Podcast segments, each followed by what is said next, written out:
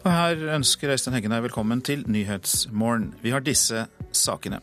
Flere Frp-ere på Stortinget mener partiet ikke går langt nok i asylinnstramminger. Enslige mindreårige asylsøkere fra Afghanistan bør sendes ut av Norge, mener organisasjonen LIM, likestilling, integrering og mangfold. Opptellingen etter valget i Myanmar tyder på en overveldende valgseier for Aung San Suu Kyis parti.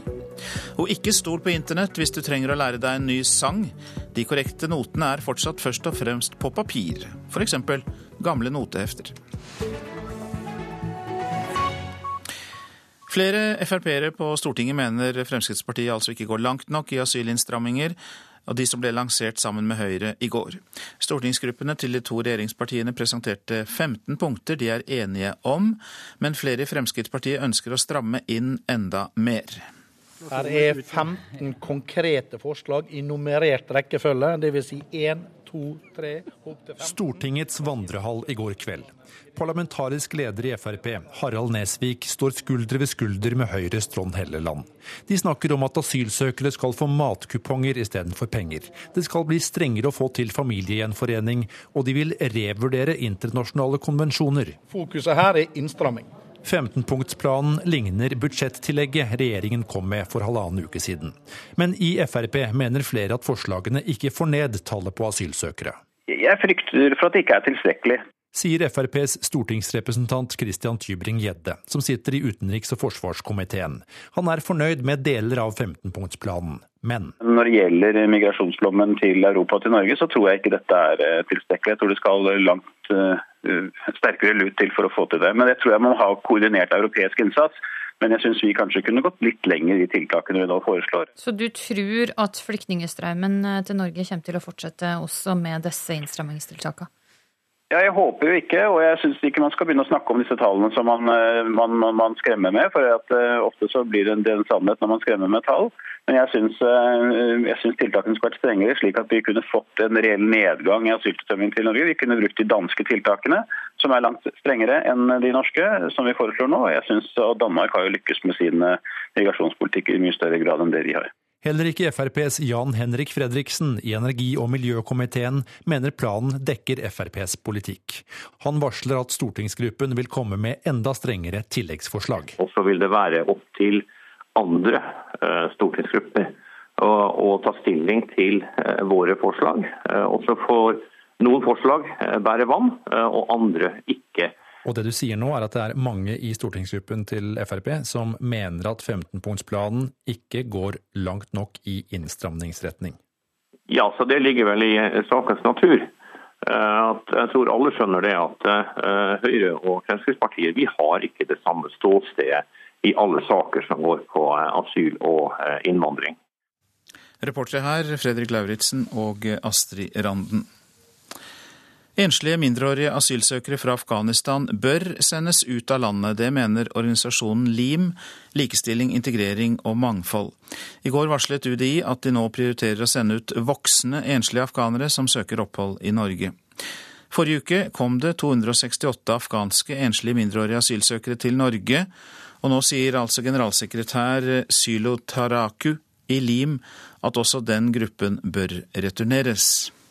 For eh, afghanere, så kan de som kommer fra utrygge eh, distrikter, kan henvises til Kabul og få hjelp til å reintegrere seg der. Så du mener rett og slett at Kabul er trygg? Det mener også eh, UDI, og det mener også UNHCR. Og påstanden om at enslige mindreårige asylsøkere fra Afghanistan ikke kan returneres til heimlandet, bl.a. fordi de risikerer å bli tvangsrekruttert til Taliban, avviser han. Altså, det, det, kan skje i noen altså, unntaksvis, men det er ikke det eh, Taliban gjør, det det, eller andre opp, opprørsgrupper, for det trenger de ikke. Fra asylmottak får NRK historier om enslige mindreårige afghanere som dagen etter at de har fått pengestøtte, er blakke. Pengene er alt sendt hjem. Og selv om UDI er varsomme med å returnere dem, innser direktør Frode Forfang at mange er sendt til Vesten for å hente penger. Altså, det er ikke noe tvil om at uh, mange av de som kommer som enslige mindreårige, er sendt fra familiene til Europa for å, for å, med sikte på å få et opphold her. Ikke nødvendigvis for at familien skal komme etter i familiegjenforening, for det er det veldig faktisk lite av når det gjelder enslige mindreårige. Men at de ønsker at deres barn skal få en bedre fremtid i Europa, og eventuelt kunne sende penger Eh, til storfamilien hjemme hvis de kommer i jobb i, i, Norge eller et annet europeisk land. Men hvis du oppdager en slik sak, at det er så tydelig at det er dette som skjer, og at det er organisert av voksne hjemme, er det da enklere å sende de rett hjem? Hvis vi kan identifisere foreldrene i hjemlandet, så er det klart at eh, de kan sendes tilbake. Og Bjørn Atle Gilestad var reporter her. Så var det avisene, da, og det de har på dagsorden i dag. Satser på olje som aldri før. Nå startes det flere oljebedrifter enn før krisen inntraff, ifølge Dagens Næringsliv, som forteller om gründere som satser på installasjon, plugging, vedlikehold og overvåkning av olje- og gassbrønner. Men i Bergens Tidende kan vi lese om en av de 25 000 oljearbeiderne som er blitt arbeidsledige. Gjennom 23, 32 år i arbeidslivet har jeg alltid vært attraktiv, og det blir en stor utfordring å føle at du er som en dinosaur, sier oljeingeniør Einar Hadler Jacobsen. Metkel Betev ble stoppet eh, av undercover-agenter, skriver VG om avsløringene av hans kriminelle nettverk etter at han hadde sonet ferdigdommen i Nokas-ranet. Tre danske politimenn som utga seg for å være gangstere, avslørte Betev. Kollektivløft i bilens land får vi vite mer om i Aftenposten. Under New York bygges jernbanen ut med nye tunnelsystemer, og bruken av lokaltog, buss og bane har økt med 40% i USA de siste 20 årene. Ingen kjære mor for Mama Merkel, er oppslaget i Dagsavisen. Tysklands forbundskansler Angela Merkel er presset fra alle kanter. Hun sliter med å overbevise både egen regjering og EU-naboene om håndteringen av flyktningekrisen. Asylkrisen fyller private lommer, skriver Adresseavisen. Nesten alle asylmottak i Midt-Norge eies av private. Levanger er den eneste trønderkommunen som driver asylmottak i egen regi. Ordfører der, Robert Svarva, mener utbyttet fra den type aktivitet bør pløyes tilbake til fellesskapet på linje med andre tjenester for borgerne. Pål Wien Espen er forfremmet til Asiasjef i Telenor etter at han ga råd til ledelsen da det ble holdt tilbake informasjon for Stortingets kontrollkomité i VimpelCom-saken, skriver Klassekampen. Nå sier Pål Paul Wien Espen selv at han ikke ønsker å la seg intervjue av avisa om det. Det er frykt for akutt prestemangel, ifølge Vårt Land. Universitetet i Tromsø truer med å legge ned teologiutdanningen. Både biskoper, studenter og lærere advarer mot alvorlige følger for nordnorske menigheter. Flom av erstatningskrav etter regn, kan vi lese i Nasjonen. Mange bønder i Midt- og Nord-Norge har fått store deler av avlingen ødelagt. Jørgen Baumfelder i Verdal fikk bare en tiendedel av normal kornavling.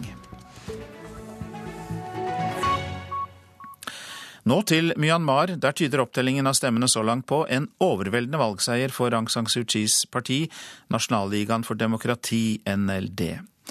Og hvor langt er opptellingen kommet? Asia-korrespondent Peter Svaar i Yangon. Den har ikke kommet så veldig langt, men ifølge de siste tallene fra valgkommisjonen som kom klokken eh, ni i morges eh, lokaltid her, så har NLD nå vunnet 49 av setene i Underhuset som er talt opp til nå. Juntapartiet USDP har så langt vunnet to. Så det er eh, noen få seter også til etniske partier, men bildet som tegner seg her er jo at NLDs eh, seier er så overveldende at ordet valgskred egentlig ikke er særlig dekkende. Her i hovedstaden hevder de f.eks. å ha vunnet 45 av i alt 46 seter.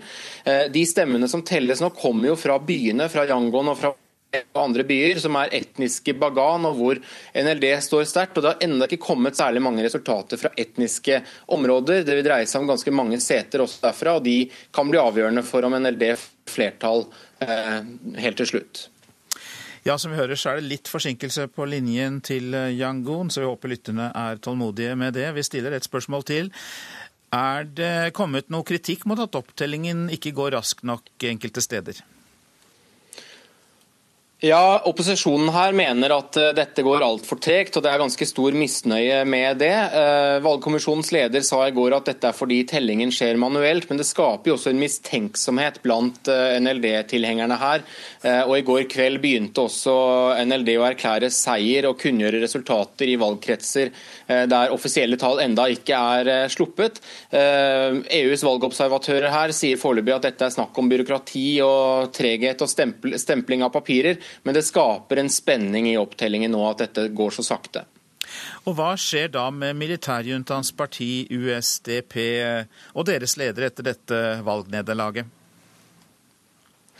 Ja, De kommer til å få seg tidenes kalddusj. Bare dagen før valget sa fungerende partileder for juntaen eh, Tai O at han regnet med at de skulle vinne 65% av stemmene. I går måtte han erkjenne nederlag i sin egen valgkrets. Han har mistet setet sitt, han er ute av parlamentet. Det samme har andre eh, USDP-ledere og juntaledere som Shue Man og lederen for fredsforhandlingene Aung Min. De er også ute. Så med dette valgresultatet tyder alt på at eh, juntapartiet, som har styrt dette landet i nesten 60 år, kommer til å få en glissen parlamentarikergruppe på bakerste benk. De er helt desimert, slik eh, opptellingen tyder på nå. Mange takk, Asia-korrespondent Peter Svaar, som er i eh, Myanmar. Og eh, klokken den er nå 6.44. Dette er eh, hovedsaker. Frp-ere på Stortinget mener Fremskrittspartiet ikke går langt nok i asylinnstramningsplanen som ble lansert sammen med Høyre i går. Enslige mindreårige asylsøkere fra Afghanistan bør sendes ut av Norge, mener organisasjonen LIM, likestilling, integrering og mangfold. Svake tall for varehandelen gir frykt for at norsk økonomi vil krympe. Eksperter frykter en resesjon. Du får mer om det i Nyhetsmorgen etter klokka sju. Norsk antidoping trodde russerne drev seriøst. Norske eksperter hjalp Russland da de startet sitt antidopingprogram Rusta for sju til åtte år siden. Nå har rapporten fra Verdens antidopingbyrå, altså WADA, avdekket omfattende juks ved dopinglaboratoriet i Moskva. Vi trodde på russerne, sier leder Anders Solheim i Antidoping Norge. Vi har opplevd at det, det har vært en, en, en, vilje til det fra 2008-2009, når dette samarbeidet, samarbeidet, ble satt i gang. Uh, we have found uh,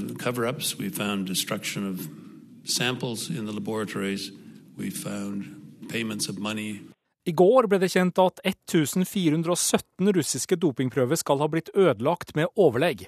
Sikkerhetspolitiet skal ha vært med på dette. Utøvere skal ha blitt presset til å betale deler av inntektene sine til korrupte ledere for å holde positive prøver hemmelige.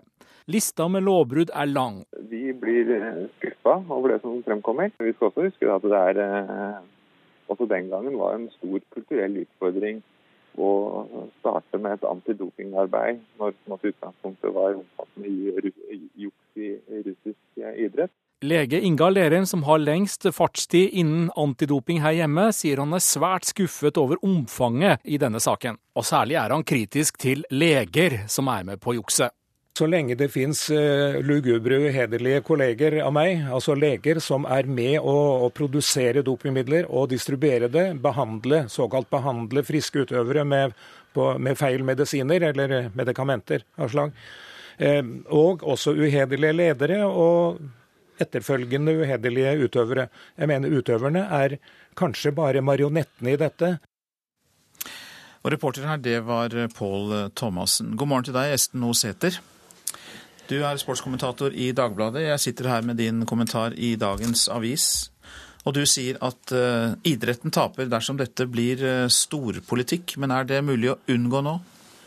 Nei, det er kanskje ikke det. Og det er et, et, et veldig bredt lerret som, som, blir tegnet. Fordi eh, vi skal huske, vi skal se litt på reaksjonene bakover. Det er bare noen måneder siden eh, det internasjonale samfunnet, med de vestlige landene i spissen, raste mot forholdene i Det internasjonale fotballforbundet. Eh, reaksjonen fra, fra Blatter, da, som var tidligere, eller nåværende president i, i Fotballforbundet, var å, å, å, mene at dette er, eh, var et, eh, et skille mellom Vesten og Russland at det var amerikanske interesser som sto bak, som sto bak korrupsjonen i, i, Det internasjonale fotballforbundet. Og, vi, og Putin svarte med at, eh, å, å foreslå eh, at eh, fredsprisen skulle gå til, til Blatter. Og tok gjerne imot denne, denne, denne hyllesten. Så, så det, hvis vi får en tilsvarende russisk reaksjon nå på, på, i den internasjonale friidretten, så står vi foran et, et, kanskje et skille i internasjonal idrett som vi ikke har sett på veldig mange år. Hva bør friidretten gjøre da? Bør de da nekte Russland adgang til OL i Brasil, eller bør de kanskje la være å gjøre det for å unngå nettopp det du frykter, altså storpolitikk? Ja, jeg tror nok det beste er å prøve å komme inn med en type eh, internasjonale eksperter for å prøve å Eller eh, ja, hva skal man kalle dem? Rådgivere, observatører. For å prøve å, eh, å komme i, i, russerne i møte. Det er helt spesielle ting som er, som er avdekket. Altså, vi har ikke sett noe lignende siden, siden statsdopet i Øst-Tyskland på, på 70- og 80-tallet, og sannsynligvis også da i det gamle Sovjetunionen. Men samtidig så, så, blir det så vanskelig å drive idrett med nasjoner som, som spiller opp eh, politikk gjennom, gjennom leken at jeg, jeg, tror det er eh, lurt eller klokt å være litt rolig i, eh, i reaksjonene. Hvordan skal man da gjøre det Tenker du, du tenker da på å oppnevne eksperter som kanskje kan samarbeide med russerne for å få ryddet opp i dette her? Fordi du sier jo at eh, vi nå har å gjøre med et Putin-Russland med en farlig blanding av gammelt juks og ny nasjonalisme? Ja, altså russisk idrett lå jo med brukket rygg da, etter at eh, Sovjet falt i, i, i 89. Og det var et tiår hvor, eh, hvor russerne gjorde det helt elendig i, eh, i, idrett. Og så ser man at det kommer en sterkere sentralstat, og så, og så opplever vi at det kommer russiske framganger. De har ikke gjort noe for sånn fantastisk, men, men de har gjort det ganske ålreit. Ehm, og da skjønner vi nå etter hvert at det har vært et, eh, også en statlig regime på, på, å hjelpe dem til disse resultatene. Ehm, og vi må jo innrømme at det, at det, kommer, eh, det kommer, i friidretten fordi det har vært en elendig internasjonal ledelse som, har, som har, ikke har evnet og ikke har ønsket å, å rette opp Eh, dopingmisbruk i sporten sin, men heller har, har, har drevet med egen vinning for å, for å, holde det gående. ikke sant? Altså, Ordentlig internasjonale særforbund eh, ville ha klart å gjøre noe eh, med dette her. Og der, og der ligger muligheten, og selvfølgelig er det et skifte nå i friidretten som, som kan hjelpe til det. Samtidig så internasjonal idrett er veldig veldig vanskelig å styre, for det er så mange land det er snakk om. Og man vil hele tiden finne sine allierte som kan ha grunner til å, til å, gå, til å gå, sammen. Det er jo det vi har sett da f.eks. i fotballen, hvor, hvor, det er mulig å holde et korrupt system fordi at mange ledere egentlig tjener på det. Mange takk for at du kom til Nyhetsmorgen, Esten Osæter, som altså er eh, sportskommentator i eh, Dagbladet. Norske arkitekter skal vi høre om nå. De er altfor ivrige til å velge utenlandsk materiale og råstoff.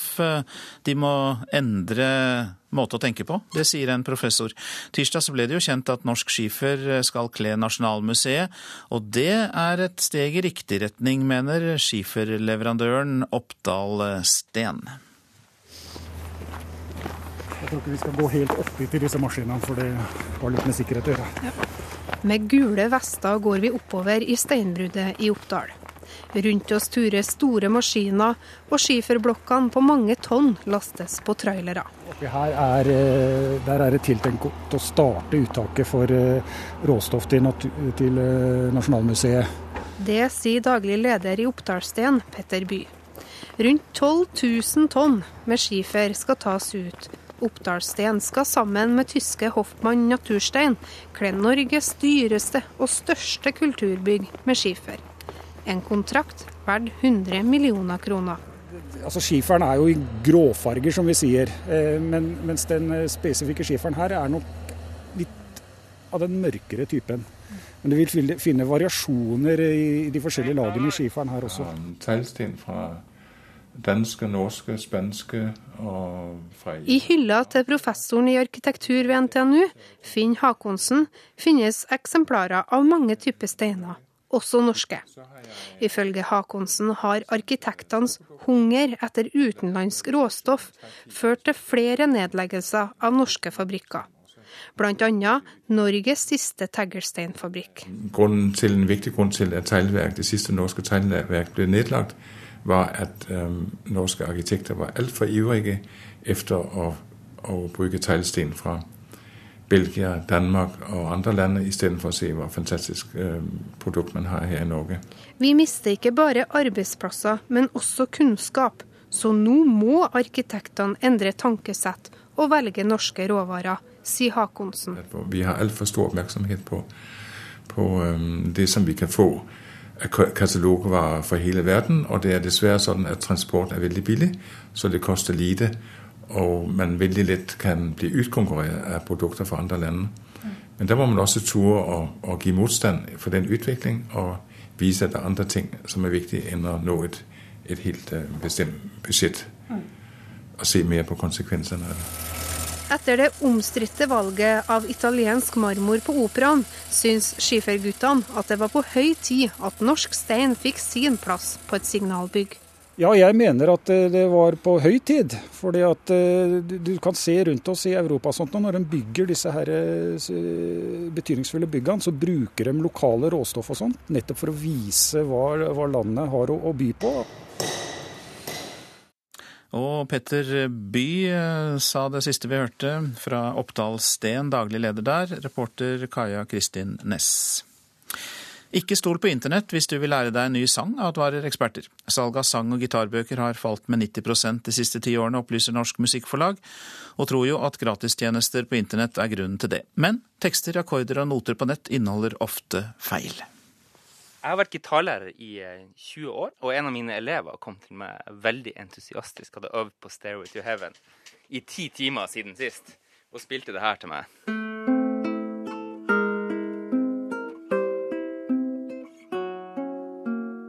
Nå måtte jeg stoppe eleven og forklare han litt om eh, kildekritikk, og fortelle han hvilken kilde han egentlig burde hørt på. da.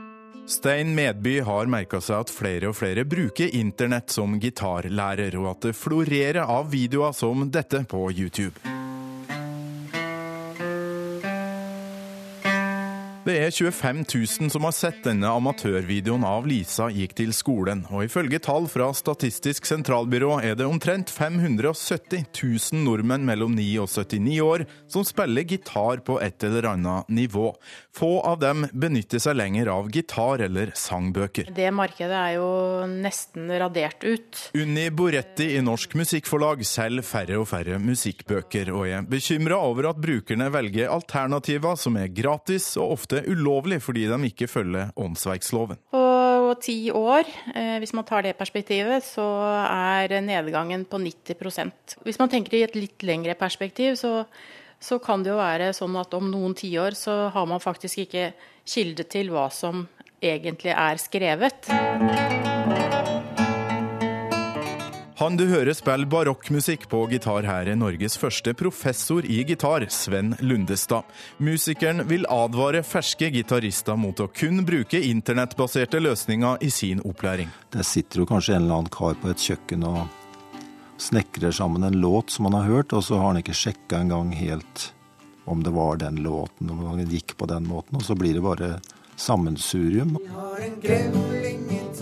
Du må kanskje kjøpe en tjeneste som koster penger for å være på den sikre sida. Over 400 nordmenn abonnerer f.eks. på tjenesten onlinegitar.no, som er en av få norske tjenester som har korrekt og lovlig opplæring på hundrevis av sanger. Gitargründer Stein Medby har laga en app for mobil og nettbrett, der du betaler for opplæring fra artisten sjøl. Her er det Lars Lillo sjøl som sitter og spiller, så her får du se det akkurat sånn som han uh, gjør det. Medby mener digital opplæring åpner nye pedagogiske muligheter som musikkforlagene har vært for sein med å utnytte. I ettertid så kan man helt sikkert si at det skulle vi ha gjort tidligere, men uh... Forlagene jobber jo veldig nå med å få digitale løsninger på plass. Unni Boretti i Norsk Musikkforlag, og reportasjen var laget av Torkil Thorsvik. Værvarsel og fjell i Sør-Norge først. Sludd- og snøbyger. I ettermiddag sterk eh, vest- og sørvest kuling. Utsatte steder i fjellet. Østlandet skyet eller delvis skyet. I ettermiddag litt regn, ellers stort sett opphold. Telemark og Aust-Agder skyet eller delvis skyet. Forbigående litt regn først på dagen, men ellers stort sett opphold. Vest-Agder på kysten forbigående vestlig stiv kuling i formiddag. For det meste skyet vær og litt regn av og til. I kveld lettere vær. Så var det Rogaland. I formiddag øking til vestlig stiv kuling utsatte steder.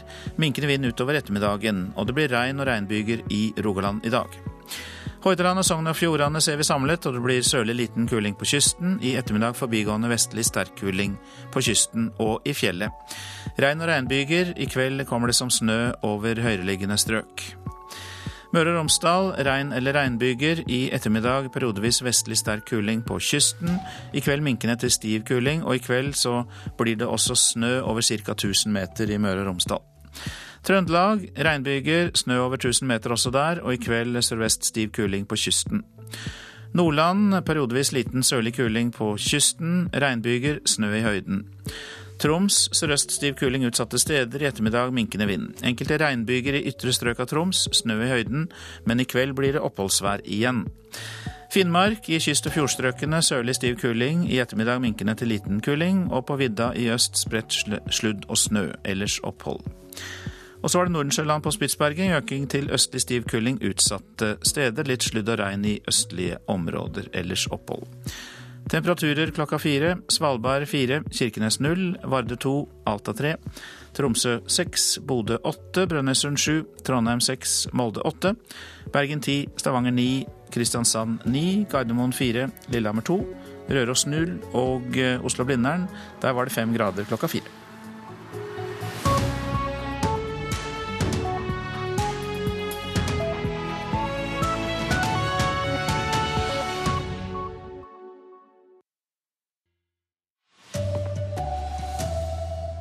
Frp-topp misliker flyktningplanen til regjeringen.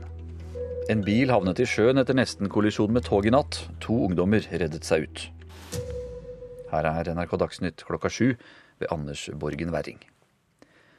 Asylstrømmen til Norge vil ikke reduseres pga. 15-punktsplanen fra Høyre og Fremskrittspartiet. Det tror FrPs stortingsrepresentant Christian Tybring-Gjedde. Stortingsgruppene til de to regjeringspartiene presenterte i går 15 punkter de er enige om, men flere i Fremskrittspartiet ønsker å stramme inn enda mer. Christian Tybring-Gjedde er fornøyd med deler av planen, men tror ikke tiltakene bremser asyltilstrømmingen. Jeg frykter for at det ikke er tilstrekkelig. Det vil gjøre noe positivt på statsfinansene, for det vil være litt eh, mindre økonomisk belastende pga. de endrede ytelsene. Men når det gjelder migrasjonsflommen til Europa og til Norge, så tror jeg ikke dette er eh, tilstrekkelig. Jeg tror det skal langt uh, sterkere lut til for å få til det. Men jeg tror jeg må ha koordinert europeisk innsats. Men jeg syns vi kanskje kunne gått litt lenger i tiltakene vi nå foreslår. Så jeg syns dette ikke er tilstrekkelig. Men jeg ser at så langt kommer vi, og vi kommer ikke lenger med Høyre. Kristian Tybring-Edde sier han eh, vil foreslå flere tiltak som er strengere enn de som ble lansert i går. To gutter på 16 og 17 år kom seg ut i tide fra en stjålet bil like før bilen ble påkjørt av et tog og havnet i sjøen på dypt vann. Hendelsen fant sted i natt i Hummelvik i Sør-Trøndelag, forteller operasjonsleder Ebbe Kimo. Så Det vi får melding om først, er en eh, bilfører som har observert baklysene på en bil den eh, fer utfor en skrint i Holmvika. Eh, han ser ikke mer til den bilen der, da. Neste vi får melding om, det er fra togleder at det er tog som har kjørt på en bil på toglinja der. Når vi kommer på stedet, så plukker vi opp to ungdommer på veien i Hummelvika som forteller at de har sittet i en bil som har endt opp nedpå toglinja der. Toget har jo truffet bilen, og bilen har gått uh, i sjøen og ligger så dypt at brannvesenet sine dykkere ikke kom helt ned til den. Hva skjer videre med disse to ungdommene nå? De ble tatt med inn i ambulanse inn til St. Olavs og skulle uh, få litt behandling der og litt oppfølging. da. Så I forhold til oss så blir det noe som vi må ta tak i litt i ettertid. Ja, Det sa operasjonsleder i Sør-Trøndelag eh, politidistrikt Ebbe Kimo til eh, Tom Erik Andersen. Fire personer er sendt til eh, legevakt med lettere røykskader etter en brann i en boligblokk ved Ullevål i Oslo i natt. Brannen er nå slukket, men det var stor røykutvikling fra brannen, og 111 personer ble evakuert. Det brant i samme boligblokk forrige uke og politiet undersøker nå om det er en sammenheng mellom disse to brannene. Det var eh, NRK Dagsnytt. Og Nyhetsmorgen fortsetter med disse sakene. Fire av ti jobber med kolleger de misliker. Her i Nyhetsmorgen skal vi få råd om hvordan vi kan takle det. Svake tall for varehandelen gir frykt for at norsk økonomi vil krympe. Eksperter frykter resesjon. I dag leverer Storbritannia sine første krav til EU for at landet fortsatt skal være medlem. Og hvilke reaksjoner er kommet fra Russland etter avsløringene av omfattende dopingbruk i friidretten? Vi tar inn vår Moskva-korrespondent. Ja, fire av ti jobber med kolleger de misliker. Det viser en ny arbeidslivsundersøkelse gjort på oppdrag fra konsulentselskapet Dale Carnegie. Flere av de spurte sier de har gått så langt som å slutte jobben pga. kolleger. Men litt krangling er ikke nødvendigvis så negativt. Man er ikke på jobben for å få seg bestevenner, sier eh, forsker. Det er litt sånn når de skal ha ting på sin måte alltid, og det gjør det veldig komplisert å jobbe med det. Den personen var eh, ganske negativ, skapte dårlig arbeidsmiljø, var eh, litt sur. De beskriver nåværende eller tidligere kollegaer de ikke kom overens med. Og de er ikke alene om å ha slike opplevelser. En arbeidslivsundersøkelse er nylig gjort på oppdrag for konsulentfirmaet Dale Carnegie, og der kommer det fram at fire av ti misliker en eller flere på jobben. Kun et fåtall tar opp problemet med den det gjelder. Andre har gått til ekstreme lengder for å unngå situasjonen, sier konsulent Ingrid Bygland. Vi fant ut at det var 18% som da hadde søkt seg over i en annen stilling, eller i hvert fall prøvd å få det til fordi at de mislikte en annen person, for å unngå problemet istedenfor å ta tak i det. Og Det er jo ganske mye. Vi vet det koster mye å ansette en ny person òg. Deltakerne i undersøkelsen er delt opp i kategorier som kjønn, alder, bosted og livssyklus. De som har minst imot kollegaene sine, finner vi i tettsteder med færre enn 5000 innbyggere. Mens det er de unge som oftest misliker folk på jobben. Kvinner er det jo 44% kontra menn. Så det er jo flere kvinner som ser dette som et problem. Eh, og så ser vi òg at den yngre generasjonen, der er det fem av ti som også sier at de misliker andre. Og Hva ligger i den yngre generasjonen? Ja, Det er altså yngre som da ikke har fått barn. Men krangling på jobben er ikke et så stort problem som man kanskje tror. Det sier arbeidslivsforsker ved Høgskolen i Oslo og Akershus, Asbjørn Grimsmo. Så lenge det ikke utvikler seg til mobbing, kan det være sunt, sier han. Krangling kan da skape spenning, interesse, motivasjon osv. Så, videre. så om en da irriterer seg eller misliker noe, prøv heller å snu på det og så se på det som eh, noe som da kan danne grunnlag for utvikling og forandring. Grimsmo mener altså at det er sunt med noen spenninger mellom kollegaer, og han advarer faktisk mot å løse konfliktene. Fordi at da er det jo ingen spenninger i arbeidsmiljøet. Det er jo liksom ingenting å bryne seg i forhold til. Arbeidsmiljøet byr ikke på noen overraskelser i hele tatt. Så Derfor så snakker vi gjerne om å håndtere konflikter. Dvs. Si at du bruker spenning, de spenningene som er i miljøet, på en sånn måte at det blir utvikling av hele arbeidsmiljøet. Og ikke da, som det ofte skjer i konflikter, at ting blir destruktive. Reportere her, det var Vegard Valestrand og Trond Erik Dragvoll. Og Kjartan Tormodsæter, du er fagsjef i bemanningsselskapet Adecco. Har kunnskap om hvordan man kan løse konfliktsituasjoner på jobb. Riktig god morgen til deg. Jo, takk for det. Ja, Hvordan opplever du i din jobb at folk forholder seg til kolleger de ikke liker så godt? Det som vi opplever som det mest vanlige, er vel at uh, veldig mange snakker med andre om det man snakker sjelden med den det gjelder. Sånn at, eh, det er kanskje det som kanskje er det største problemet. At det, det sitter litt langt inne for ganske mange å, å, gå til eh, den det gjelder og si at 'jeg har et problem med deg'. Så, ja. Ja, Nå er det julebordsesong. Er det stedet å ta det opp med den, den personen man ikke tidligere har snakket med?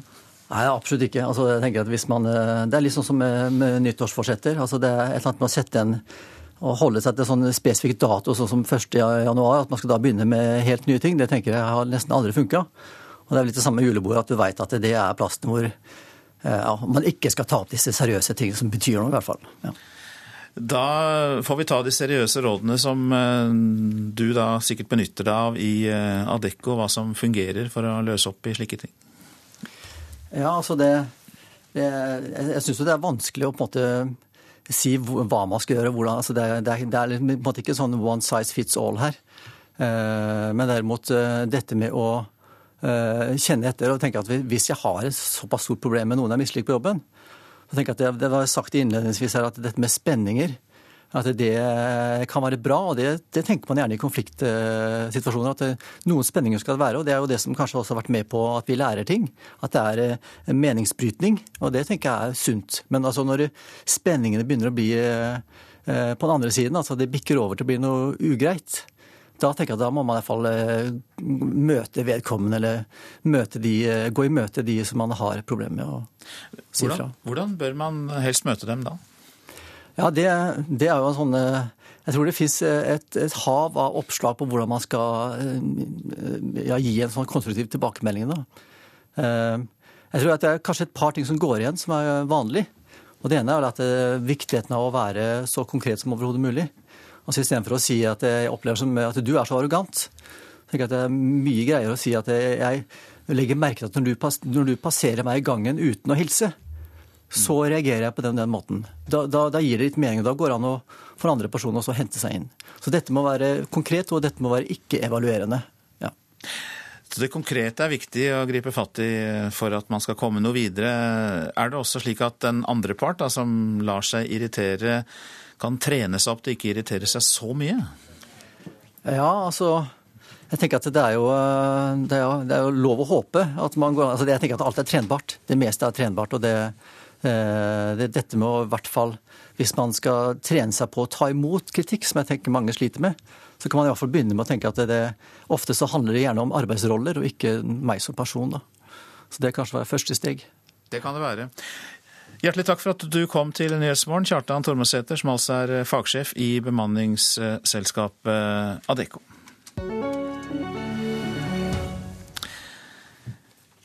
Svake shoppingtall gir frykt for at norsk økonomi snart eh, skal krympe. Blir ikke julehandelen bra, så frykter eksperter at Norge kan havne i en resesjon. Også en selger av eh, prompeputer, løstenner og vampyrkostymer til og med er bekymret, skal vi høre her. Hoggtenner selger veldig bra. Hoggtenner er et nødvendig onde til eh, vampyr. Jan Kingel viser frem et par bloddryppende moroeffekter hos festmagasinet Standard i Oslo. Med tatoveringer som er som vampyrbitt og sånt, så blir du veldig bra. Blod må du ha med. Og nå som bremsen er på i den norske økonomien, frykter den daglige lederen at kjøpelysten kan bli mindre. Vi er helt avhengig av at folk kommer til butikken og, og bruker penger. Så vi håper at folk eh, ikke slutter å bruke penger, fordi det kan se litt mørkt ut i perioder og fortsatt plingende kasseapparater er viktigere enn på lenge, sier Erik Bruse, sjefanalytiker i Nordea Markets. Enkelt sagt halvparten av næringslivet lever av forbrukeren, så det er helt avgjørende for norsk økonomi at eh, forbrukerne holder farten oppe. Sjeføkonom Jan Andreassen i Eika-gruppen sier det slik. Hvis forbrukerne nå blir eh, full av angst og slutter å bruke penger som normalt, så er det overveiende sannsynlig at vi får negativ eh, BNP-vekst i Norge. Svikter shoppingen, kan det altså føre til at norsk økonomi krymper. Derfor er Bruse svært spent på hvordan det vil gå med julehandelen i år. Hvis eh, den svake utviklingen vi har sett i detaljhandelstallene, altså omsetning i butikkene, fortsetter og det også rammer julehandelen, så kan vi fort få fall i norsk økonomi. Dette er jo litt selvdrevne mekanismer. Hvis forbruket utvikler seg svak og forbruksorienterte næringer går dårlig, så vil de ansette flere, kanskje si opp folk, og så blir arbeidsledigheten høyere, og så blir bekymringen enda større. Virke spår nå at hver nordmann ikke vil julehandle for særlig mer enn i fjor. Men takket være bl.a. befolkningsvekst vil likevel desemberhandelen bli 3,5% høyere, tror hovedorganisasjonen. Men Andreassen er ikke i tvil om at særlig noe av julehandelen vil falle. Handelen av luksusvarer i oljefylkene blir hardt rammet denne jula. Det er ingen vei utenom, sånn som fremtidsutsiktene er. Også en svak krone kan faktisk dempe forbruket. Standard er et godt eksempel. Vi merker det veldig godt. Vi har eh, økte innkjøpspriser, definitivt. Og mye av det vi selger produseres i Kina, som skal ha betalt i dollar. Så påvirker det innkjøpsprisen ekstremt mye, og når også den norske krona faller som pappas gjør. Vi greier faktisk ikke å ta inn det ved å legge på prisene. Det kan vi ikke. Produktene blir for dyre. Det er begrenset hva folk eh, vil bruke av penger for eh, en kveld.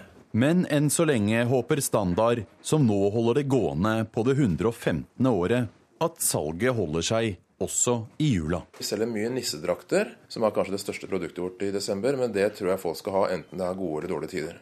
Og særlig i en tid hvor vi har lite sol. Da er det viktig å ha mye sosiale lag, ha det gøy.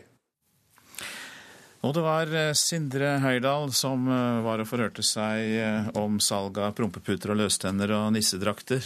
God morgen til deg, bror Tene. Stende, du, ja. Stende, ja. Beklager.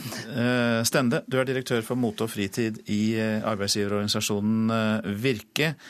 Og hvordan reagerer du på det du hører her om ja, frykten for en resesjon?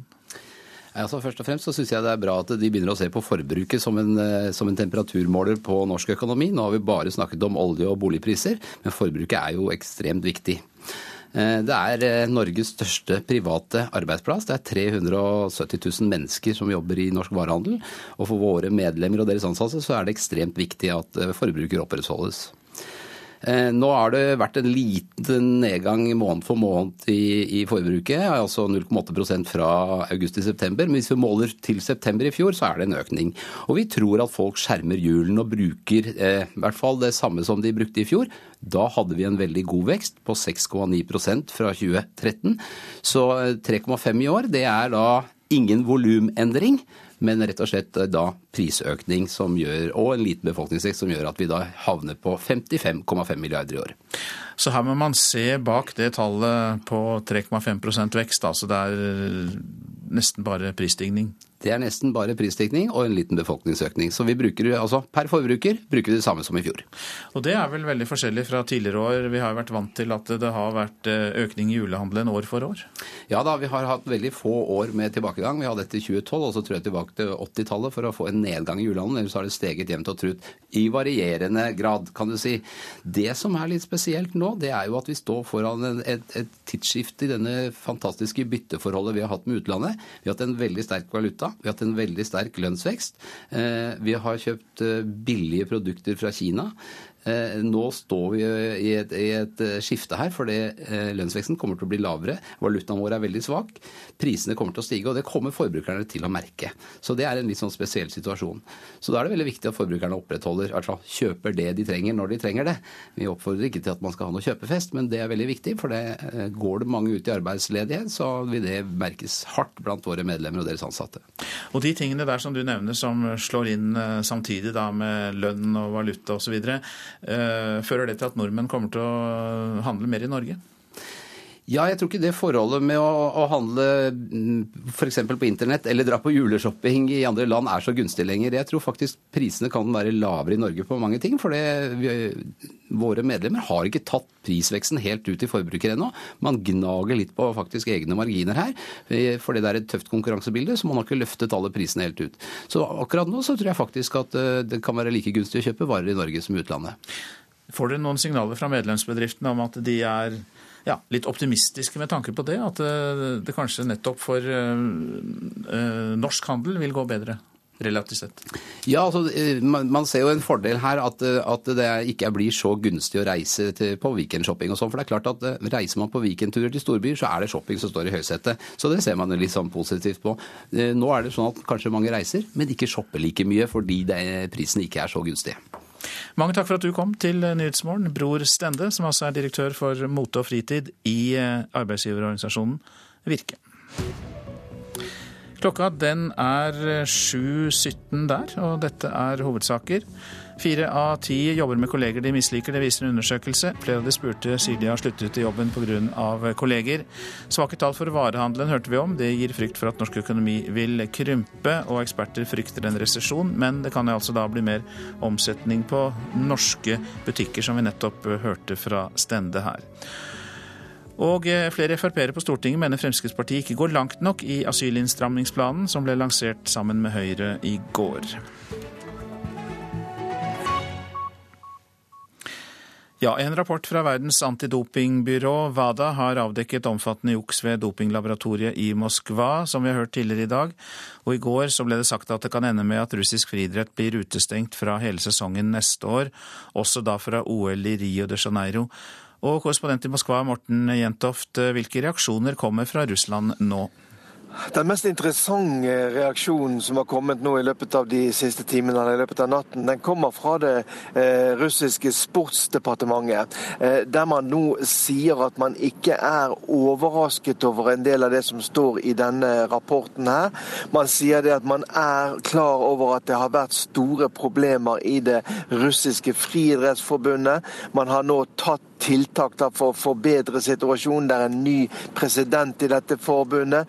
Og man skal også gå gjennom da hele organisasjonsstrukturen i Friidrettsforbundet. Og Interessant er det jo også å legge merke til at man nok var klar over noe av det som skulle komme.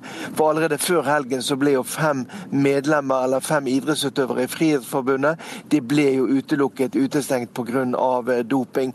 Så eh, kanskje etter det sjokket som kom i går, så ser man også fra russisk hold at noe er eh, man nødt å gjøre, men at man nå først og fremst da retter fokuset mot Friidrettsforbundet. Mens man jo fra internasjonale dopingkontrollører også mener at det nok er andre idretter i Russland som også trenger å få et søkelys på seg. Det høres ut som noe mer ydmyk reaksjon enn noe av det første vi fikk i går, da, da sportsministeren eh, Vitalij Mutko sa at anklagene ikke er underbygget av bevis, og eh, at eh, det også ble sagt at det kunne være politisk motivert, dette her fra antidopingbyrået. Ja, Det kom jo ganske kraftige eh, uttalelser i, i, i, går først, da, eh, som du sa, også fra, fra Sportsdepartementet, og også ikke minst fra eh, dette, denne, de som er medisinsk ansvarlig i russisk idrett, Vladimir Ujba, som leder da det medisinske arbeidet innenfor russisk idrett, som sa det at dette er politisk motivert. Dette er en del av en allmenn kampanje mot Russland som henger sammen med den internasjonale politiske situasjonen situasjonen, det som har skjedd i Ukraina. Men eh, det er klart at nå har russerne hengende trussel over seg over at de kan bli utelukket fra eh, viktige arrangementer, viktige idrettsarrangementer. Eh, altså at hele eh, det russiske friidrettsforbundet kan bli utesluttet fra bl.a. neste års eh, OL. Og eh, man har kanskje nå innsett alvoret i situasjonen, og at man er nødt til å vise det internasjonale dopingkontrollører gjør at man virkelig gjør noe, at man nå tar dette på alvor i Russland. At man ikke bare kan sette seg ned og skylde på at dette er noen som er ute etter å ta Russland igjen. Helt til slutt, Morten Jentoft. Eh, omtales det også i russiske medier, dette her? Ja da, det er en stor sak i, i, russiske medier, dette også. Og nettopp denne diskusjonen her har vært oppe. Eh, Pavel Gosjev, som er redaktør i den eh, store og populære avisen Moskovskij eh, Komsomolets, eh, han eh, var ute i går kveld og sa det at her er Russland nødt til å ta dette på alvor. Dette kan man ikke bare sette seg ned og skylde at dette er igjen en, en form for russofobi, altså folk som er ute etter å ta Russland. Sånn at dette diskuteres åpent i Russland, og mange her er klar over at doping innenfor idrett idretten er et stort problem. Mange takk, Moskva-korrespondent Morten Jentoft. I dag overleverer Storbritannia sine første krav til EU for at landet fortsatt skal være medlem. Statsminister David Cameron har sagt at han ønsker et reformert EU dersom landet fortsatt skal være med. Hvis ikke, så er det over og ut, sier Cameron. Come on, guys. If you sit down now, you can ask me a question rather than uh, making fools of yourself by just um, standing up and protesting. At det er mye følelser involvert i den britiske EU-debatten, er det liten tvil om. Under en tale til den britiske varianten av NHO i går ropte EU-motstandere slagord mot statsminister David Cameron. De tror ikke han er tøff nok til å vende EU ryggen. Men den ellers så diplomatiske Cameron har spisset språkbruken sin. If it's flexible enough, we'll stay. If it's not flexible enough, we'll have to ask ourselves a very profound question. Is this organization for us? I et brev som sendes til EU-president Donald Tusk i dag, skriver Cameron at han er rede til å kjempe for å fortsatt bli værende i EU, dersom landet får en avtale som er riktig. Cameron har i uker og måneder lobbet hos andre EU-ledere, men først nå kommer kravene hans til en ny avtale.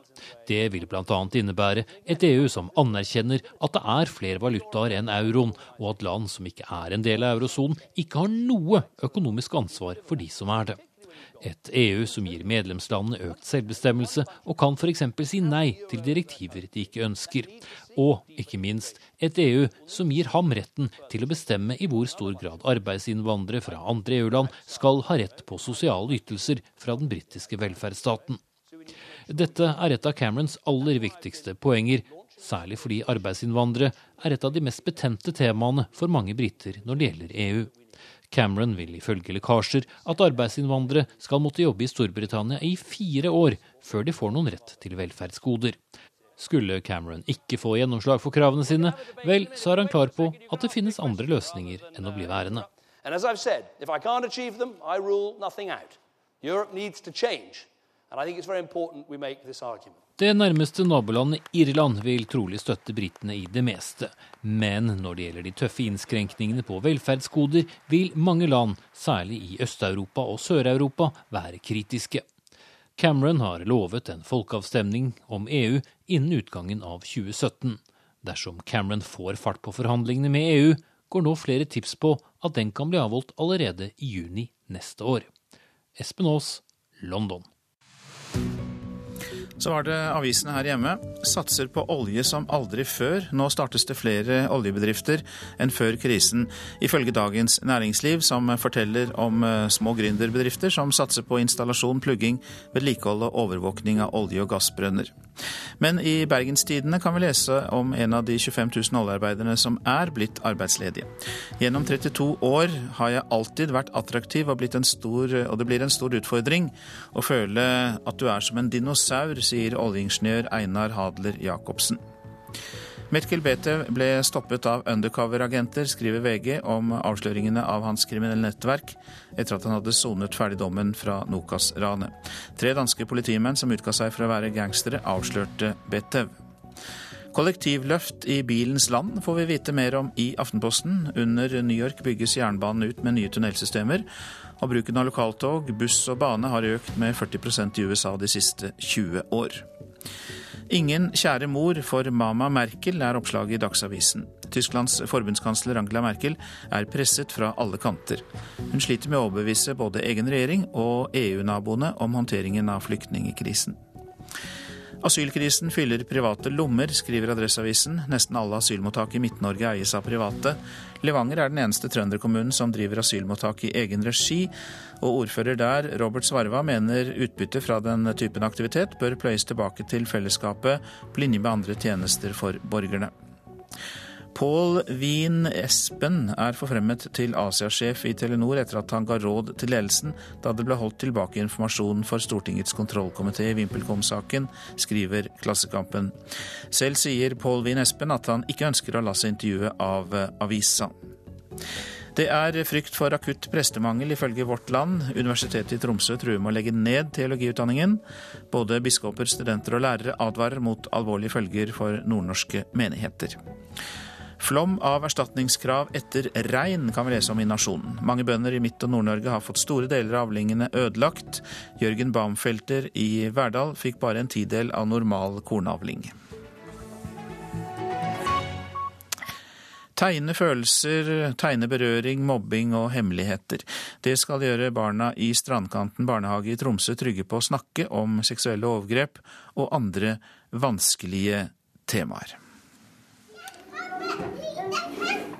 Det er en helt vanlig dag i Strandkanten Fus barnehage i Tromsø. Men den siste tida har noen av dagene vært litt utenom det vanlige for de på fire til seks år. Vi har hatt fire tema. Så Vi har starta med berøringer, og så har vi snakka om eh, følelser. Så har vi hatt om eh, mobbing, og så siste skal handle om hemmeligheter. Mats Alexander Johansen er pedagogisk leder og den som tok fatt på planene om å gi ungene språket og verktøyet de trenger for å snakke om opplevelser på godt og vondt med en trygg voksenperson. Så da tok de arkene og fargestiftene fatt. Ja, her eh, er historien at eh, ei jente som møter en usynlig mann. Og så eh, har han slått henne i ansiktet så hun blør neseblod og har tårer i ansiktet.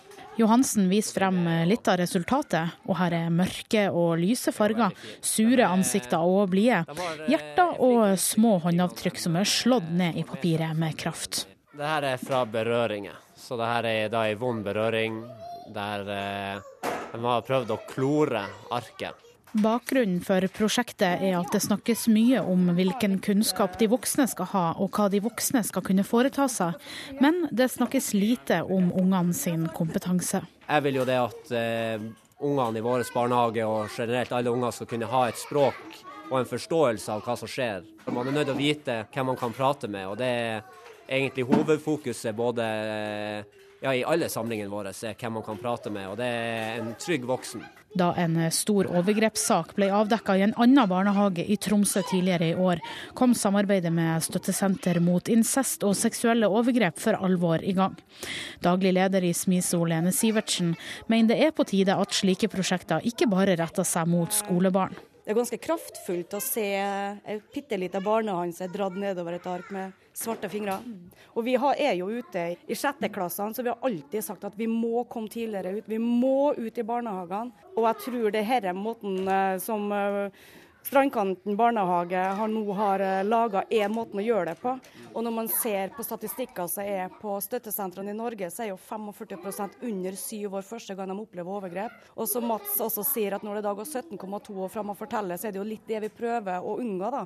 Men vi må snakke med barna og gi dem kompetanse til å fortelle og si ifra, og ikke minst få tillatelse til å si ifra. Her har vi skrevet ned sitater på det ungene sier underveis. Ja, her er det jo en som har sagt blå, fordi blåmerka er blå. Og dem eh, kan man få av vonde berøringer.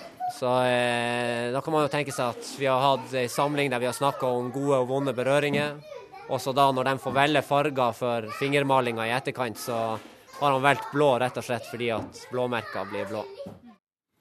Vi legger til at prosjektet er et samarbeid med Støttesenteret mot incest og seksuelle overgrep, SMISO, og reportasjen var laget av Pia Tøhaug. Produsent for Nyhetsmorgen Ulf Tannes Fjell, her i studio Øystein Heggen. Og I reportasjen etter Dagsnytt skal vi møte den australske journalist, journalisten Peter Geste, som satt to år i egyptisk fangenskap.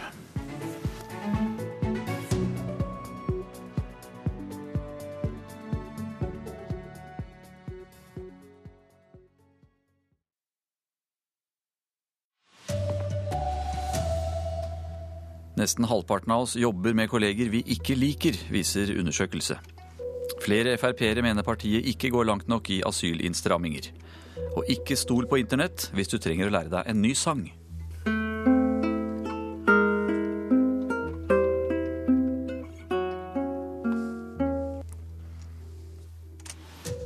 Her er NRK Dagsnytt klokka 7.30 ved Anders Borgen Werring. Fire av ti jobber med kolleger de misliker. Det viser en arbeidslivsundersøkelse gjort på oppdrag fra konsulentselskapet Dale Carnegie. Flere av de spurte sier de har gått så langt som å slutte jobben pga. kolleger. Men litt krangling er ikke nødvendigvis så negativt. Man er ikke på jobben for å få seg bestevenner, sier en forsker. Det er litt sånn når de skal ha ting på sin måte alltid, og det gjør det veldig komplisert å jobbe med det. Den personen var eh, ganske negativ, skapte dårlig arbeidsmiljø, var eh, litt eh, sur. De beskriver nåværende eller tidligere kollegaer de ikke kom overens med. Og de er ikke alene om å ha slike opplevelser. En arbeidslivsundersøkelse er nylig gjort på oppdrag for konsulentfirmaet Dale Carnegie, og der kommer det fram at fire av ti misliker en eller flere på jobben. Kun et fåtall tar opp problemet med den det gjelder.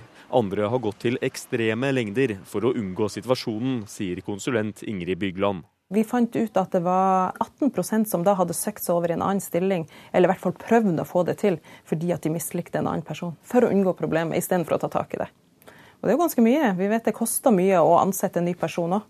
Men krangling på jobben er ikke et så stort problem som man kanskje tror. Det sier arbeidslivsforsker ved Høgskolen i Oslo og Akershus, Asbjørn Grimsmo. Så lenge det ikke utvikler seg til mobbing, kan det være sunt, sier han. Krangling kan da skape spenning, interesse, motivasjon osv. Så, videre. så om en da irriterer seg eller misliker noe, prøv heller å snu på det og så se på det som eh, noe som da kan danne grunnlag for utvikling og forandring. Men all kritikken som kommer på arbeidsplassen er kanskje ikke like konstruktiv. Det er litt sånn eh, å se hva henne hadde på, eller hvor rar hun var på håret, eller eh, Jeg er ikke helt uh, tilhenger av det. På nrk.no så kan du lese om hvem som oftest misliker kollegene sine. Reportere her det var Vegard Valestrand og Trond Erik Dragvold. Asylstrømmen til Norge blir ikke redusert pga.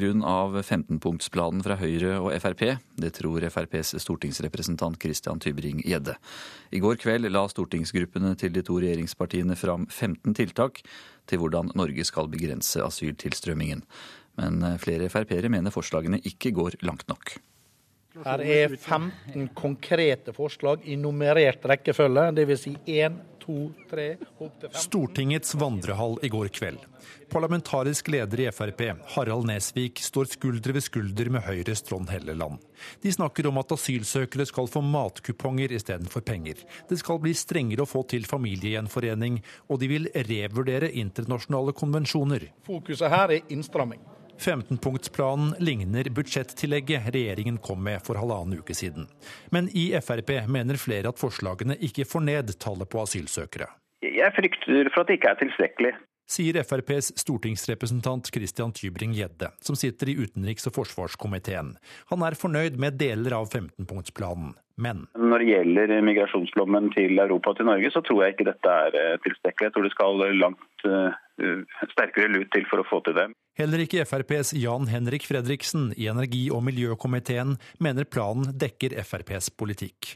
Han varsler at stortingsgruppen vil komme med enda strengere tilleggsforslag. Og så vil det være opp til andre uh, stortingsgrupper å, å, ta stilling til uh, våre forslag. og så får noen forslag bærer vann, og andre ikke. Og det du sier nå er at det er mange i stortingsgruppen til Frp som mener at 15-punktsplanen ikke går langt nok i innstramningsretning. Ja, så det ligger vel i sakens natur. Reportere Astrid Randen og Fredrik Lauritzen. Norsk antidoping trodde russerne drev seriøst. Norske eksperter var med på å hjelpe Russland i gang da de skulle starte sitt antidopingprogram for flere år siden. Nå viser en WADA-rapport omfattende juks også ved dopinglaboratoriet i Moskva, men russiske myndigheter sier de allerede er i gang med å rydde opp.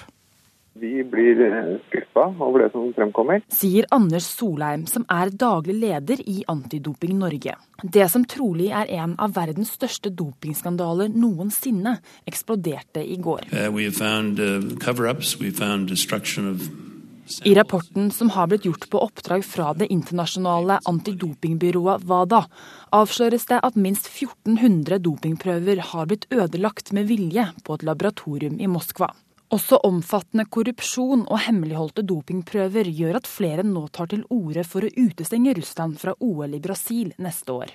Sportskommentator i Dagbladet, Esten O. Sæter, mener man bør komme russerne i møte med internasjonale eksperter eller observatører. Så blir det så vanskelig å drive idrett med nasjoner som, som spiller opp politikk gjennom, gjennom leken at jeg, jeg, tror det er lurt eller klokt å være litt rolig i, eh, i reaksjonene.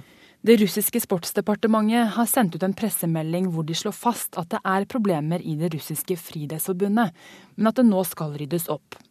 Ifølge myndighetene er ledelsen i russisk friidrett allerede skiftet ut. Det sa reporter Oda Midbø. Svake shoppingtall kan føre til at norsk økonomi snart krymper. Hvis ikke julehandelen blir bra, frykter ekspertene at Norge kan havne i resesjon eller økonomisk tilbakegang. Også en selger av prompeputer, løstenner og vampyrkostymer er bekymret. Hoggtenner selger veldig bra. Hoggtenner er et nødvendig onde til eh, vampyr. Jan Kingel viser frem et par bloddryppende moroeffekter hos festmagasinet Standard i Oslo. Blod må du ha med. Og nå som bremsene er på i den norske økonomien, frykter den daglige lederen at kjøpelysten kan bli mindre. Og Vi håper at folk eh, ikke slutter å bruke penger fordi det kan se litt mørkt ut i perioder. Og fortsatt plingende kasseapparater er viktigere enn på lenge, sier Erik Bruse, sjefanalytiker i Nordea Markets. Enkelt sagt, halvparten av næringslivet lever av forbrukeren, så det er helt avgjørende for norsk økonomi at eh, forbrukerne holder farten oppe. Sjeføkonom Jan Andreassen i Eika-gruppen sier det slik. Hvis forbrukerne nå blir full fulle av angst og slutter å bruke penger som normalt, så er det overveiende sannsynlig at vi får negativ eh, BNP-vekst i Norge. Hvis den svake utviklingen vi har sett i detaljhandelstallene, altså omsetning i butikkene, fortsetter og det også rammer julehandelen, så kan vi fort få fall i norsk økonomi. Men enn så lenge håper Standard, som nå holder det gående på det 115. året, at salget holder seg også i jula. Vi selger mye nissedrakter, som er kanskje det største produktet vårt i desember, men det tror jeg folk skal ha enten det er gode eller dårlige tider. Og særlig i en tid hvor vi har lite sol. Da er det viktig å ha mye sosiale lag, ha det gøy. Reporter her, det var Sindre Heierdal. Ikke stol på internett hvis du trenger å lære deg en ny sang, advarer flere eksperter. Salget av sang- og gitarbøker har falt med 90% de siste ti åra. Det opplyser Norsk Musikkforlag, som tror gratistjenester på internett er årsaken. Mange finner tekster, akkorder og noter på internett, og apper for mobil og nettbrett. Men det meste inneholder feil. Jeg har vært gitarlærer i 20 år, og en av mine elever kom til meg veldig entusiastisk, hadde øvd på 'Stairway to Heaven' i ti timer siden sist, og spilte det her til meg.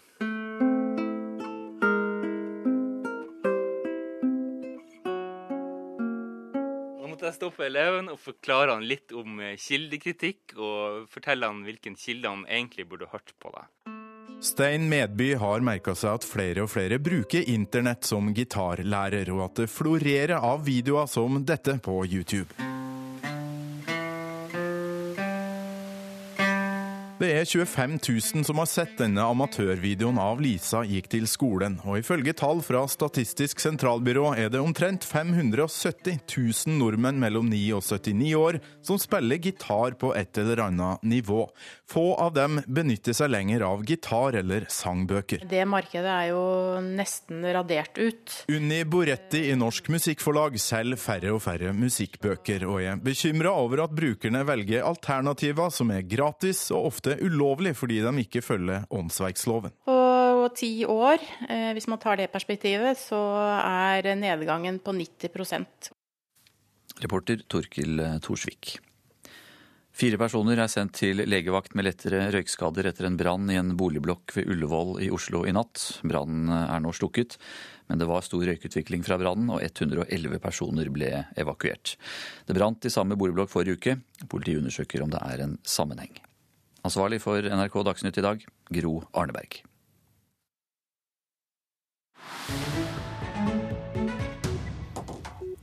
Her i Nyhetsmorgen skal vi høre om Al Jazeera-journalisten Peter Greste, som satt i egyptisk fangenskap. I 2013 ble australieren arrestert i Egypt for sin dekning av den arabiske våren. Han ble dømt til sju års fengsel, men løslatt tidligere i år. Først nå er han tilbake i Nairobi, der korrespondenten for Al Jazeera English har sin base. Afrikakorrespondent Kristine Presttun møtte en glad kollega som endelig var kommet hjem til jobben, til huset og senga. It's absolutely fantastic to be back in Nairobi. You know, this was this was my home when I was arrested. Um, I was living here, working here. I had a, a life here. I had my home, um, you know, my bed, my friends. This was where I was planning to be for the next few years, and um, not to be able to come home, not to have my own bed up until last night has has been really tough. Um, Godt å komme hjem, sove i sin egen seng, se kollegaene mine i Al Jazeera. Peter Greste går avslappet rundt og får godklemmer fra kollegaer som har møtt opp til pressekonferansen på Tribe Hotel i Nairobi. 49 år, tynn i håret, intense øyne. Greste takker for støtten som journalistene i Nairobi og resten av verden viste da han satt fengslet i Egypt. Well, campaign that went worldwide was one of the most successful social media campaigns ever. It was one of the biggest ever. There were 3 billion impressions of the Free AJ staff hashtag in the 18 months that we went through this. Kampanjen på sosiale medier ble startet av kollegaene mine her i Nairobi, sier Greste. Profilbilder med sort teip over munnen og hashtaggen 'FreeAGStaff' gikk verden rundt. Selv satt den australske journalisten over 400 dager i en mørk celle og prøvde å holde hodet kaldt. One of the problems with prison is, is that you realize that it's, it, it's designed to mess with your head. And the, biggest danger, in fact, is your own mind. It starts to, to eat itself up. It's very easy to slip into depression. It's very easy to let the, the, this huge blob of time that stretches out in front of you get, get the better of you, to think yourself into all sorts of very strange places. Han tok armhevinger, drev med hukommelsesspill og mediterte. Alt for å ikke miste forstanden. I dag er han lettet og glad. Men opplevelsen har gjort noe med Peter Greste, og med hva han vil kjempe for. De var tre journalister fra Al Jazeera som opplevde at deres journalistikk ble straffet. De ble dømt for å ha hjulpet Det muslimske brorskap, som myndighetene i Egypt mener er en terrororganisasjon. Rettssaken ble kritisert av en hel verden. Nå advarer Peter Greste om at pressefriheten i mange land er truet av krigen mot terror. We need to make people aware of what the price might be. Um, I understand that governments need to, to, to manage national security. The first priority of any government has to be to keep its people safe. But I think that in being, in being overzealous about the way that we limit press freedom in the interest of national security, we, we, we run the risk of losing sight of the, of the price that we will pay in terms of the ability of the press to do its job and interrogate governments. Now, when you are back in Nairobi, what are your plans? Um, oh, I've got to rest a bit, um, catch up with a lot of friends, um, but also I have a book to write. It'll be about my experiences in Egypt, but also very much about the relationship of governments and, and, and, uh, and other groups uh, to the press and the way the impact that war on terror has had on, on the way that media operates. Dette er Nyhetsmorgen, og dette er eh, hovedsaker. Nesten halvparten av oss jobber med kolleger vi ikke liker, viser undersøkelse. Flere av de spurte sier de har gått så langt som å slutte jobben pga. Eh, kolleger. Flere Frp-ere mener partiet ikke går langt nok i asylinnstramminger. Asylstrømmen til Norge blir ikke redusert pga. 15-punktsplanen fra Høyre og Frp, mener stortingsrepresentant Christian Tybring-Gjedde. Det er svake tall for varehandelen nå, som gir frykt for at norsk økonomi kommer til å krympe. Eksperter eh, frykter at Norge kan havne i en resesjon. Og så nærmer vi oss Politisk kvarter, og programleder der er Astrid Randen.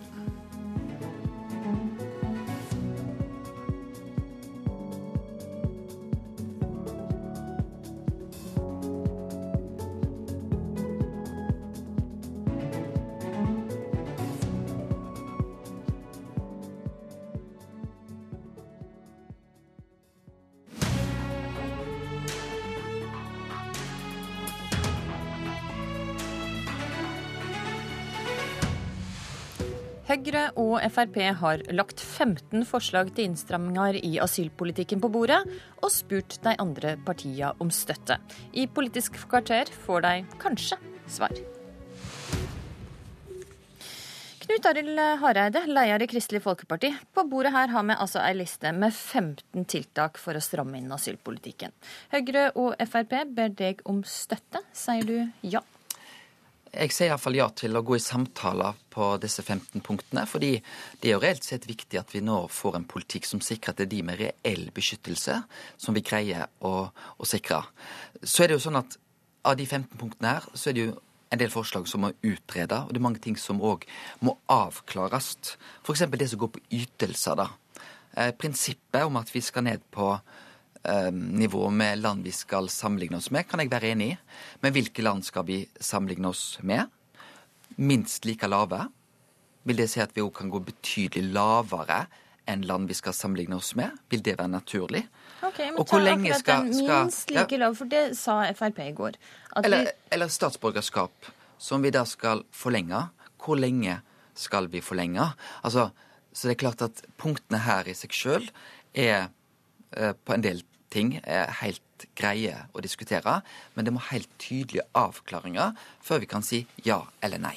Og Dette skulle jo være konkretiseringa fra Høyre og Frp, men du savna altså fremdeles konkretisering og avklaring? Jeg kan ta f.eks. det med omsorgssentre, et forslag som òg vil bli invitert til å si. Men hva er et omsorgssenter? Hvem er det som har ansvar for det? I hvilke land er det aktuelt i? Og hva skjedde med omsorgssenteret som vi vurderte eh, vedtatt i Afghanistan i 2010, er eksempelvis spørsmål som bør være naturlig avklara før vi sier ja eller nei til det punktet. Mm. Helga Pedersen, nestleder i kommunalkomiteen for Arbeiderpartiet. I går så hørte du med din partileder Jonas Gahr Støre si han ville diskutere forslagene fra Frp og Høyre, slik KrF sier. Men kommer Arbeiderpartiet til å støtte forslaget i denne planen som eh, ble lagt fram i går eh, kveld? Mange av de tiltakene som er lagt frem her, eh, er jeg helt sikker på at eh, vi kan eh, støtte.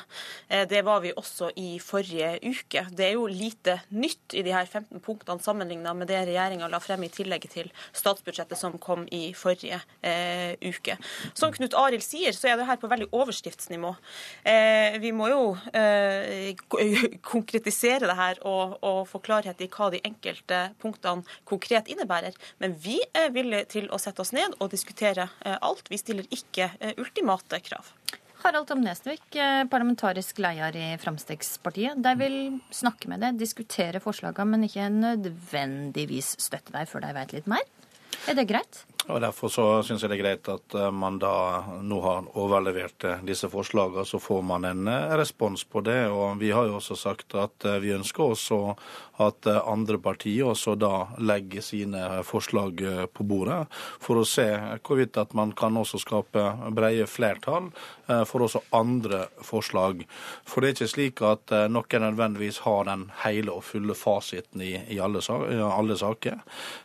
Vi har lagt frem 15 13 forslag her. Så hører jeg det eh, Knut Arild sier her knytta til uh, mer konkretisering. Ja, det er jo helt naturlig. Det står bl.a.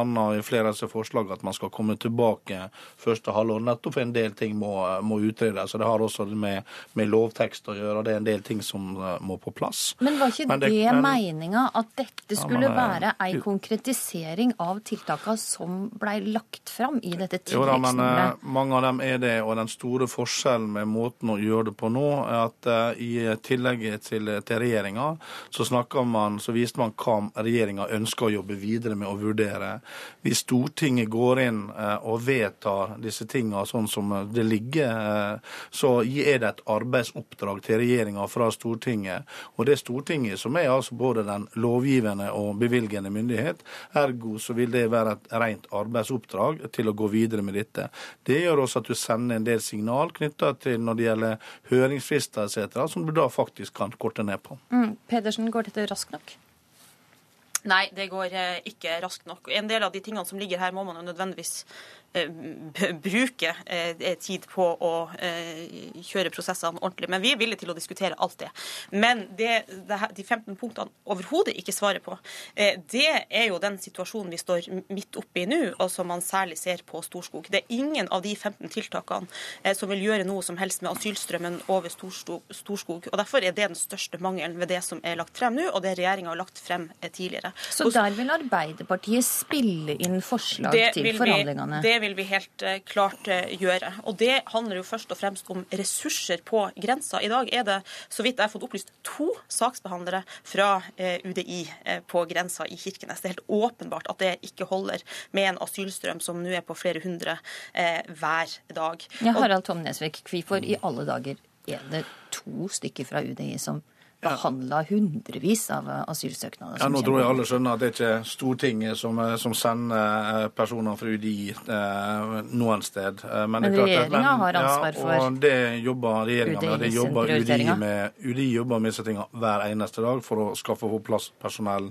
I tillegg så har man også eh, lagt opp til at det bevilges bl.a. 24 nye eh, politistillinger til Øst-Finnmark. I tillegg så er et av punktene som nå ligger her, nettopp knytta til Russlandsproblemet problematikken med å prioritere tilbakesendelse for å gi det signalet. I tillegg så er jeg også helt enig i at det må styrkes opp eh, ressursene knytta til eh, i Sør-Varanger, som da man kommer innover her.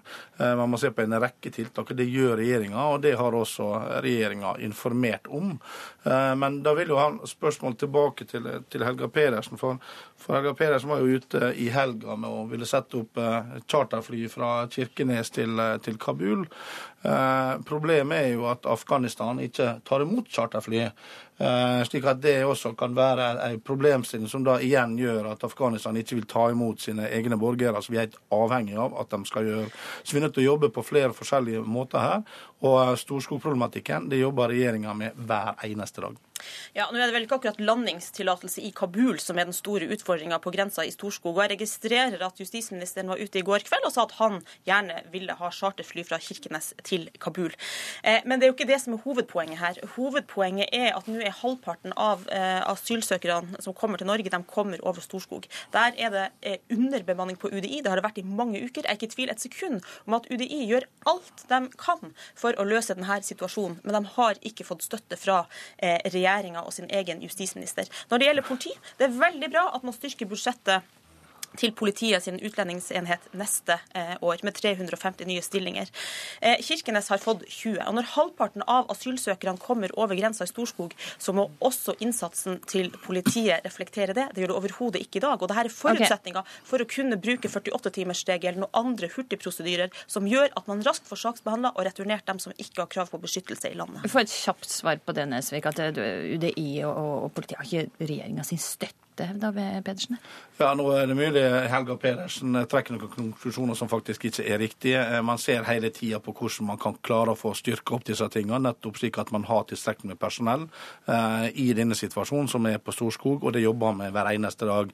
Eh, jeg vil også svært gjerne eh, kunne ha satt opp et, et charterfly, men først må vi da få på plass en avtale med myndighetene i Afghanistan at de faktisk vil ta imot, og det er jo det som er problemet. Det er det som også justisministeren har påpekt. Mm, og så er det altså slik at flere i de egen stortingsgruppe har tatt til orde for å stenge grensa.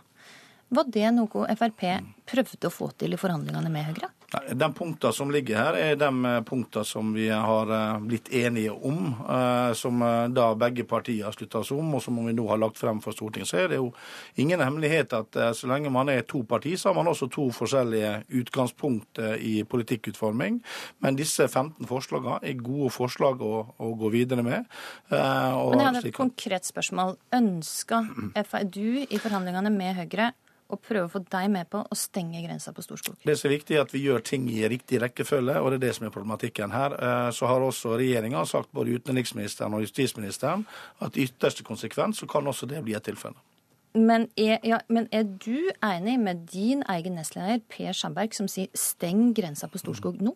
Nå forholder vi til at vi tar ting i riktig rekkefølge, og det er viktig slik at vi vet hva vi faktisk gjør. Å stenge grenser mot et naboland er, feil er, et, er, et, nå, som... er et svært uh, alvorlig uh, inngrep. Derfor så må vi gjøre ting i riktig rekkefølge. At det kan bli en konsekvens på sikt, ja, det kan det.